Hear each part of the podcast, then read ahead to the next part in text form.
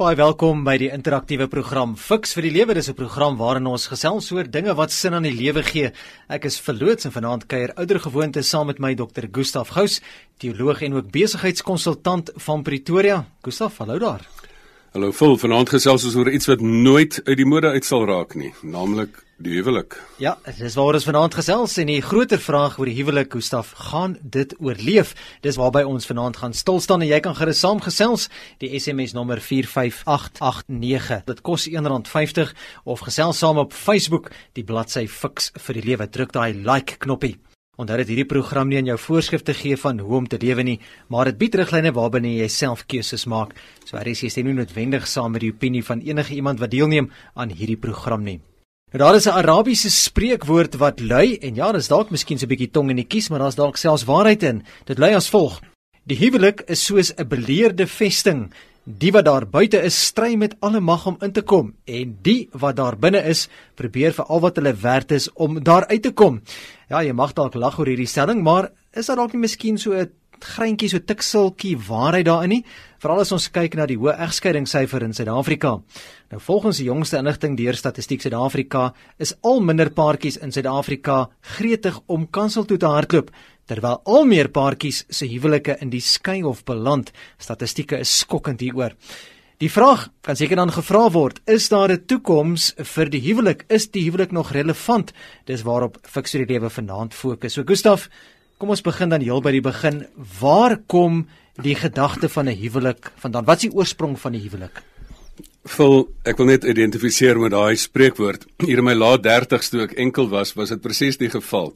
Dan wou ek so graag in 'n goeie positiewe verhouding wees, maar ek sien al my mansvriende het my so gekyk gesê het, "Gustaf, jou lekker lewe van reis. Hulle is in 'n huwelik en ek wil daar wees en ek is nie in 'n huwelik nie en hulle wil daar uit wees." So daai spreek is 100% waar, maar om by jou vraag te kom van waar kom die gedagte van 'n huwelik vandaan? Ek dink reg deur die eeue het kulture gelowe en later ook regerings het hulle besef dat hierdie ding wat tussen mense ontstaan hierdie behoefte van liefde hierdie behoefte van om met jou alleenheid iets te doen hierdie behoefte om seksueel te verkeer is iets wat gekontroleer in in 'n struktuur moet kry en dat hierdie spesifieke voorreg om in 'n verhouding te wees het regte maar dit het, ook verpligtinge en daarom het huwelik baie keer ontstaan veral binne gelowe dat dit die ruimte is waar die seksuele goedgekeur kan word moet ou daar buite nee, moenie gaan oral gaan staan en rondslaap en vuurtjies aansteek nie, jy gaan die wêreld afbrand. Maar wanneer jy nou in 'n vaste verhouding is, dan binne daai ruimte word die seksuele nou goedgekeur. En ek bedoel dit is niks minder as reg dat 'n staat hierdie reëls begin ook maak nie. Uit 'n geloofsoogpunt kan 'n mens dit verstaan, want baie van die geloofsreëls het 'n rede daar agter. Mense dink is net 'n morele reël, maar dis 'n rede daar agter want iemand moet beskerm word. Sê nou maar jy kry kinders by iemand in die hardloop sommer net weg. Wie gaan na die kind kyk? Sê nou maar jy beloof vir iemand in trou en jy kom dit nie na nie. Um, sê nou maar hierdie persoon sloof hom of haar af vir jou finansiëel en jy loop met al die geld weg. So al hierdie verregte en verpligtinge, voorregte en verpligtinge in die verhoudinge. Jy kan nie net die voorregte hê en nie die verpligtinge hê nie. En daarom is dit 'n struktuur wat ontstaan het. So dit het toe nou al meer 'n regsstruktuur geword, 'n regstegniese struktuur waar binne mens dan op die ou einde 'n veilige ruimte vind waar mens dan kan liefde beoefen. Nou met dit as agtergrond oor waar die huwelik vandaan kom, wat kan ons sê is die ware betekenis van 'n huwelik? Vol die ware betekenis is nie net omdat dit 'n regstegniese kontrak is nie. Ja, dan moet tog iets dieper wees, is dit nie? Weet jy, ek sê dit en kom ek sê wat ek altyd vir mense op op huwelike is, op troue sê. En daar het ek 'n geestelike element ook in. Ek sê dit is een God wat twee mense bymekaar uitbring wat vier liefdes deel, wat vier intimiteite deel en dit dan so deel dat daai twee baie keer meer as twee word en dat dit sommer baie word. Nou, wat bedoel ek daarmee? Of jy nou 'n gelowige persoon is of nie 'n gelowige persoon is nie, die huwelik kom en dit sê dat die Here het gesien dat die mens nie gemaak is om alleen te wees nie en dat hy vir hom 'n hulp gemaak het, 'n maat gemaak het wat by hom pas. En om daardie alleenheid aan iets aan te doen. Weet jy, die grootste hel op aarde is. Vra vir iemand wat stoksiel alleen is. Gaan luister na 'n boerneef se gedig. Jy's man alleen, jy bly alleen. Jy speel jou flottina op 'n Saterdag aand en dan dan sê hy nog later in sy gedig niemand ken Dopa vir daai alleenigheid later nie. Nou daai Dopa vir daai alleenigheid later is saamwees. En daar wil jy dan hierdie liefdes deel. Nou hierdie twee mense wat vier liefdes deel. As jy vra wat is die ware betekenis van huwelik? En dit is dat hierdie vier liefdes tot hulle regkom. Almal dink, en dis die jammerte, dat die ware betekenis van liefde is maar net om erotiese liefde te beleef. Maar sien nou my wes word oud en sien nou maar die ou liggaam is ook nie meer so so lekker nie. Wat dan? En sien nou die ou vuurtjies brand uit. Dan is daar nie net erotiese liefde nie, dan is daar agape liefde. 'n Ou Griekse waiter het eendag vir my gesê toe ek op 'n Griekse eiland sit, 'n vraag vir hom nou, wat is die verskil tussen erotiese eros liefde en agape liefde? Hy sê Eros liefde is ek is gelukkig wanneer ek gelukkig is. Agape liefde is ek is gelukkig wanneer jy gelukkig is. So dis nie net om iets te kry uit die ding uit nie. Dit is om iets te gee. Liefde is 'n wonderlike ding dat jy iemand anders se belang hoër ag as jouself. En dit is daai agape liefde. En dan die ander rede vir liefde is dan die derde Griekse woord vir liefde is phileo liefde. En die woord phileo gaan oor broederskap, oor susterskap. Huweliksmaats wat vriende is vir mekaar. Dit is so lekker want dit is tog nie net heeldag wat jy eroties staan en verkeer nie of heeldag wat jy iemand ietsie aandra met iemand siek is nie. Mens bestee baie tyd saam, mense is broederlik saam en susterlik saam, ons is maats, lewensmaats. Ek hou nogal van daai woord. Dis phileo liefde. Maar caritas liefde is is ook dan daai charity liefde. Dit is waar die woord uh, charity vandaan kom, caritas, die Griekse woord. En dit is dat jy vir iemand ietsie gee wat iets nodig het. Is net om daai koppie koffie vir iemand te dra in die oggende. So dis om daai vier liefdes te deel, maar dan moet ons nog praat oor die vier intimiteite. Nee, beslis. Ek dink dis tog 'n belangrike aspek wat wat in elke huwelik is, Gustaf.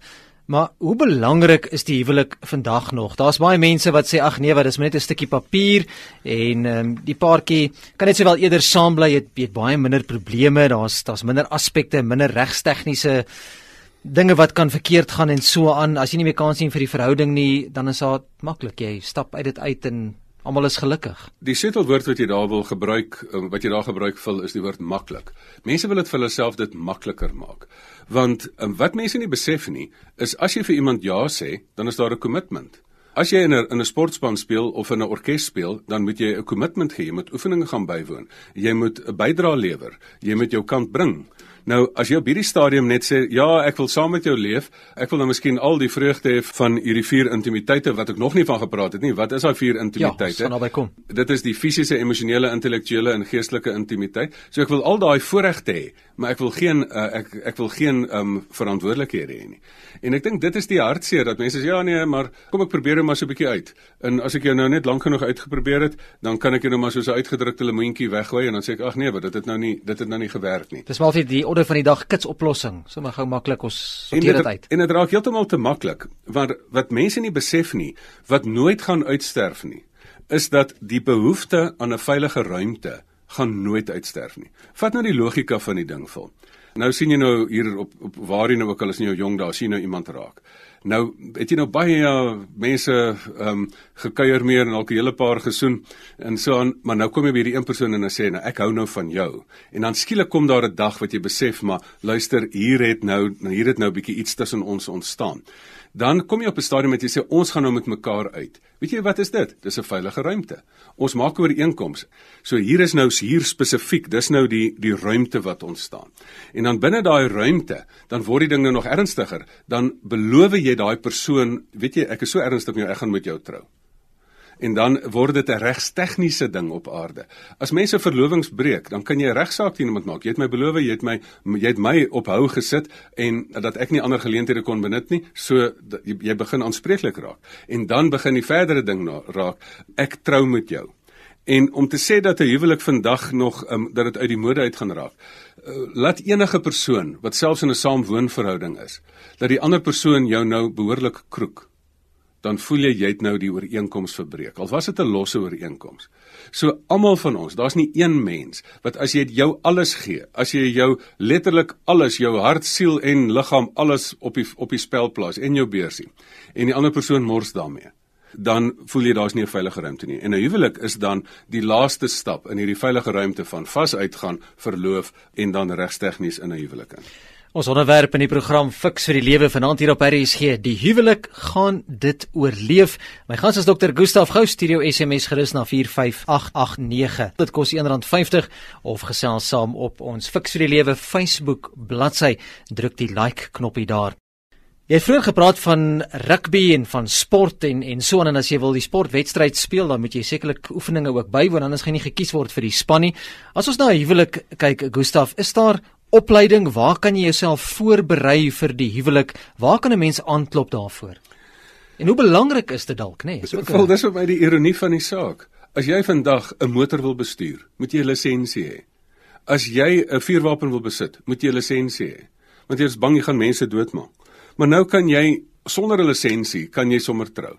Ek sê eintlik om te trou, het jy eintlik eers 'n lisensie nodig. Die probleem is mense trou om gelukkig te wees. En dis die fout wat hulle maak. Ek sê mense moet eers gelukkig wees voor hulle mag trou. Die hele kwessie van 'n huwelik, waar's jou voorbereiding daarvoor? Dis jou een van jou grootste keuses in jou hele lewe. En as jy een van daai keuses maak, onthou wat is daai daai vier groot keuses in 'n mens se lewe wat jy moet maak? Wie is ek? Wat moet ek doen? Saam met wie moet ek dit doen? En wie moet ek glo? En wie moet ek my my lewe se modellering toe vertrou?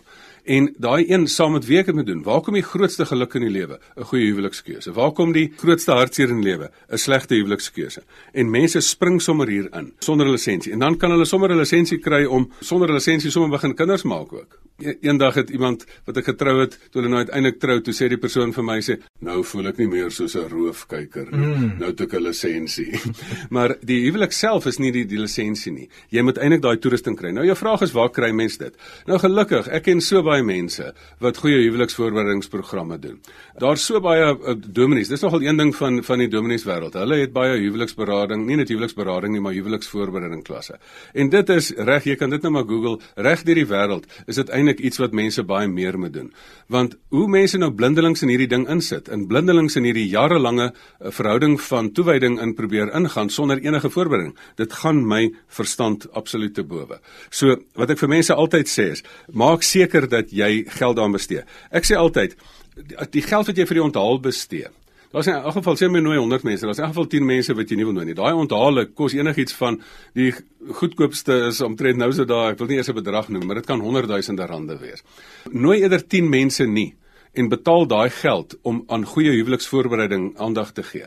Gaan sit voor, gaan doen jou psigometriese toetse, gaan vind uit by mekaar wie is ek? Dat jy nie na die tyd gaan sê maar ek het nie hiervan geweet nie. Jy het verander. Klaar dinge, nie, ja. klaar dinge uit. Ja. Klaar verwagtinge uit. Sê weet jy trou met 'n introwert? Leer mekaar ken. Dis die hele proses.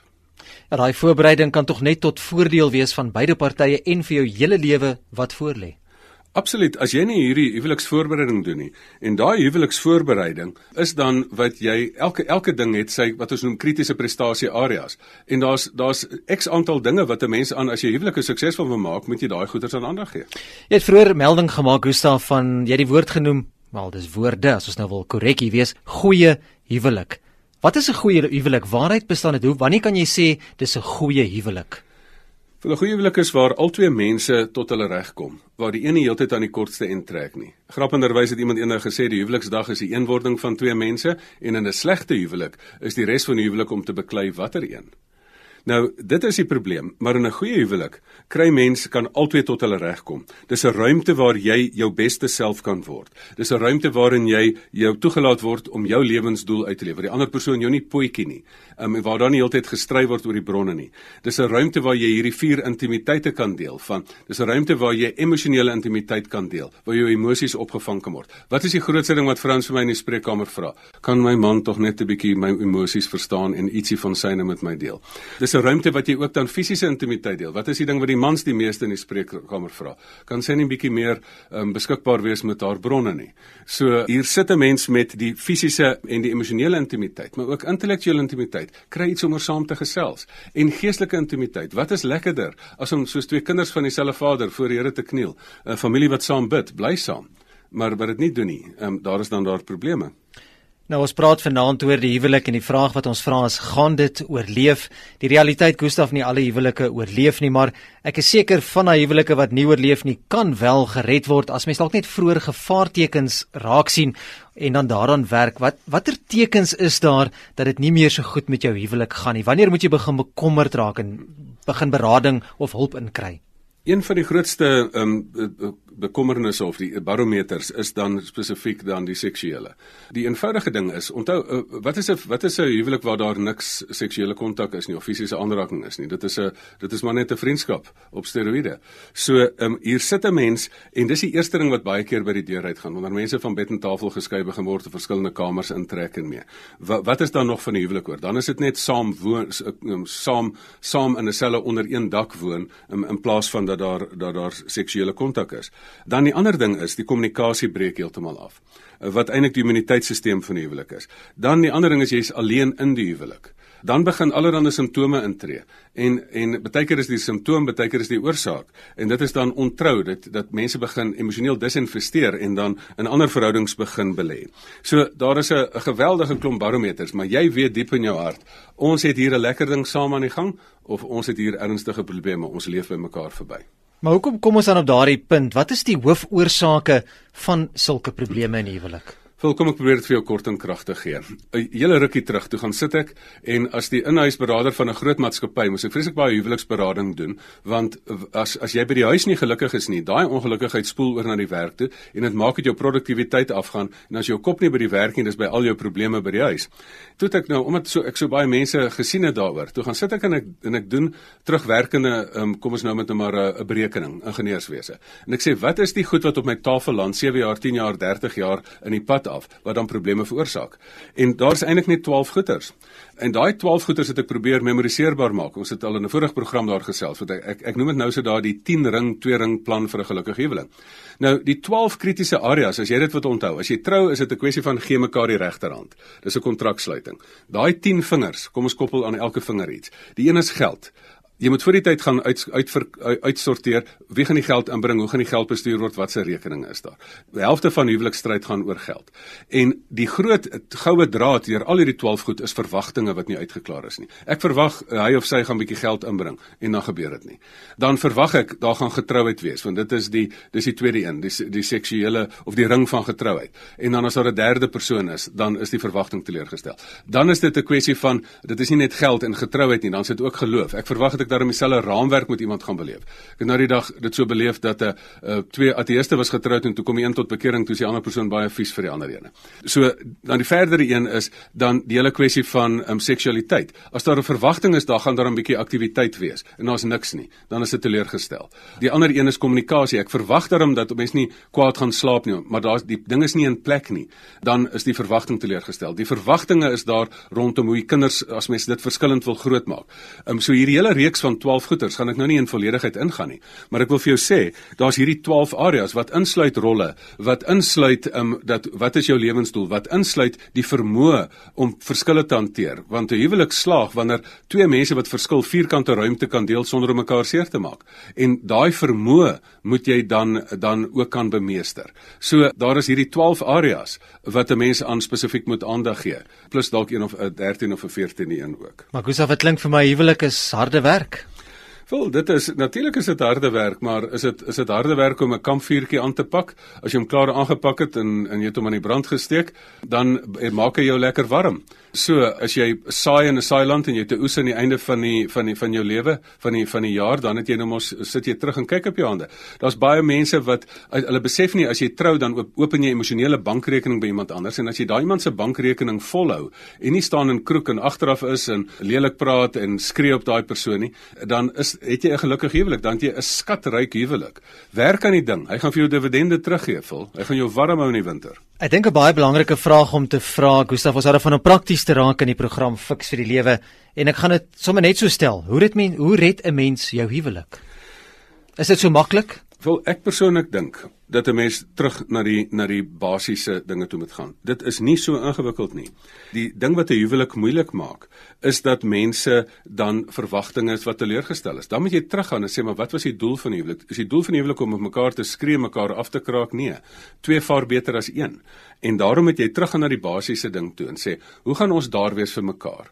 Ehm um, hoe gaan ons hierdie ding bestuur? Hoe gaan ons hierdie gesamentlike huishouding bestuur? Jou, jou huwelik te red, sê ek altyd vir mense, begin eerder by jouself. Begin by jou by jou eie um, kom ons noem dit nou maar gewoontes. Vra vir jouself af, is dit lekker om met jou getrou te wees? En as jy jouself eerlik kan antwoord ja nee, dit moet enig iemand sal graag met my getroud wees. Weet jy, meeste mense val sommer daai die bus uit. En as jy jou huwelik wil red, sorg dat jy self jou kant skoon hou, jou kant bring. Sorg dat jy liefhebbaar is dan kan jy gaan sit en dan kan jy begin oor die interaksie. So die hmm. huwelik word opgebou deur twee boustene. Sorg dat die boustene gesond is. Dan kan jy 'n bietjie vir 'n kursus gaan oor hoe kommunikeer ek beter. Want dit is die immuniteitstelsel van huwelik wat die probleme uit die weg uitruim en hoe jy 'n huwelik bou deur middel van kommunikasie. Ons onderwerp die huwelik, hoe gaan dit oorleef? Kan dit oorleef en en gaan dit wel oorleef? Nou voordat ons die onderwerp vanaand saamvat, so laaste vragie Ons het nou gesê dat die huwelik is werk en en dit is nie net ontvang nie, maar dis gee ook. Watter bydrae kan ek lewer om weer kleur en lewe my huwelik te sit? Ons wil tog altyd die ander een blameer, maar wat kan ek doen dalk om jou lewe weer so bietjie woema te gee? Vra vir jouself, hoekom is jy in 'n huwelik? Is dit net eros liefde wat ek net wil hê en, en as jy dan bietjie oud word en dan so dan ruil ek jou nou in of um, is dit wat ek kan gee? So vra vir jou wat wat kan jy doen om vir die ander persoon iets te gee? Huwelik gaan deur gewoonlik deur vier fases. Dis 'n romantiese fase, ek wil dit hê. Dan sit 'n ontnugteringsfase. Pas getroud. Ja. Voetekilie myne. Die liefde is blind, dit sien flenters aan verlind, het my ja. ma gesê. Dan kom jy deur die ontnugteringsfase. Dis soos 'n wenteltuig wat op die maan gaan. Jy het net die blink kant van hierdie persoon gesien. Dan aan die ander kant, dan kom jy aan die agterkant van die maan. Jy o, nou sien ek die sommer die dingerskant van hierdie maat van my. En dan kom jy agter um, dat jy self ook so 'n kant het. En wat is die groot guns wat jy kan doen om jou huwelik te red? Sorg dat jy jou donker kant aanwerk. Sorg dat jy jou probleme, jou jou issues uitsorteer. Um en die oomblik as jy dit doen en jy's liefhebbaar, dan inspireer dit dalk die ander persoon om dit ook te doen. As jy bo verdenking is en dan kan as jy aan jouself begin werk, dan uh, het jy die eerste bousteen van 'n huwelik sommer uitgesorteer. Ten slotte om vanaand se program saam te vat, Gustaf, hoe kan mense voor 'n huwelik weet hulle doen die regte ding en dan belangrik ook met die regte persoon en daarna hoe om daardie huwelik te laat oorleef? Hou op om vir die regte persoon te soek en probeer om eerstens die regte mens te wees. Moenie trou om gelukkig te wees nie, wees eers gelukkig in jouself en dan trou jy. Dan deel jy daai geluk. Dan maak 'n goeie keuse. Moenie sommer net met enigiemand staan en trou nie. Moenie eers gaan vir vir um, intimiteit en dan ehm um, dit vir eerste daarvoor gaan nie. Ehm um, vind uit wie jy is, eers identiteit dan intimiteit. Ehm um, as jy vind uit wie jy is, ehm um, dan weet jy ek gaan met hierdie persoon trou. Kry vir jou iemand wat jou pas. Gaan ken mekaar lank genoeg en dan kry vir jou elke stukkie tegniek en hulp in die boek dat jy sê hoe kan ek mense wat verskil laat saamleef dat mense die beste van beide kan vat. Dat mense nie teen mekaar leef nie, maar saam ter wille van 'n doel en saam 'n veilige ruimte kan skep eh, waarin jy nie net jou alleenheid iets aan doen nie, maar wat jy dan 'n veilige ruimte skep vir jou huweliksmaat en vir die kinders wat gebore word uit daai huwelik uit. Dis aan al en vanaand se program Fix vir die lewe baie dankie ook aan almal wat SMS'e gestuur het en ook op Facebook gereageer het. As jy met Gustaf wil kontak maak, as jy welkom om so te maak, jou kontakinligting Gustaf. gustaf@gustafgous.co.za. Stuur vir my 'n e-pos want dit is so belangrik dat jy hierdie ding of jy nou al jare getroud is en of jy nou op trou staan, hierdie ding kan reg bestuur word. gustaf@gustafgous.co.za. Kom ons gesels daar verder en natuurlik op die Facebookblad. Ja, die bladsy se naam Fix vir die lewe. Ek is verloots en ons maak volgende week weer so 'n program Fix vir die lewe.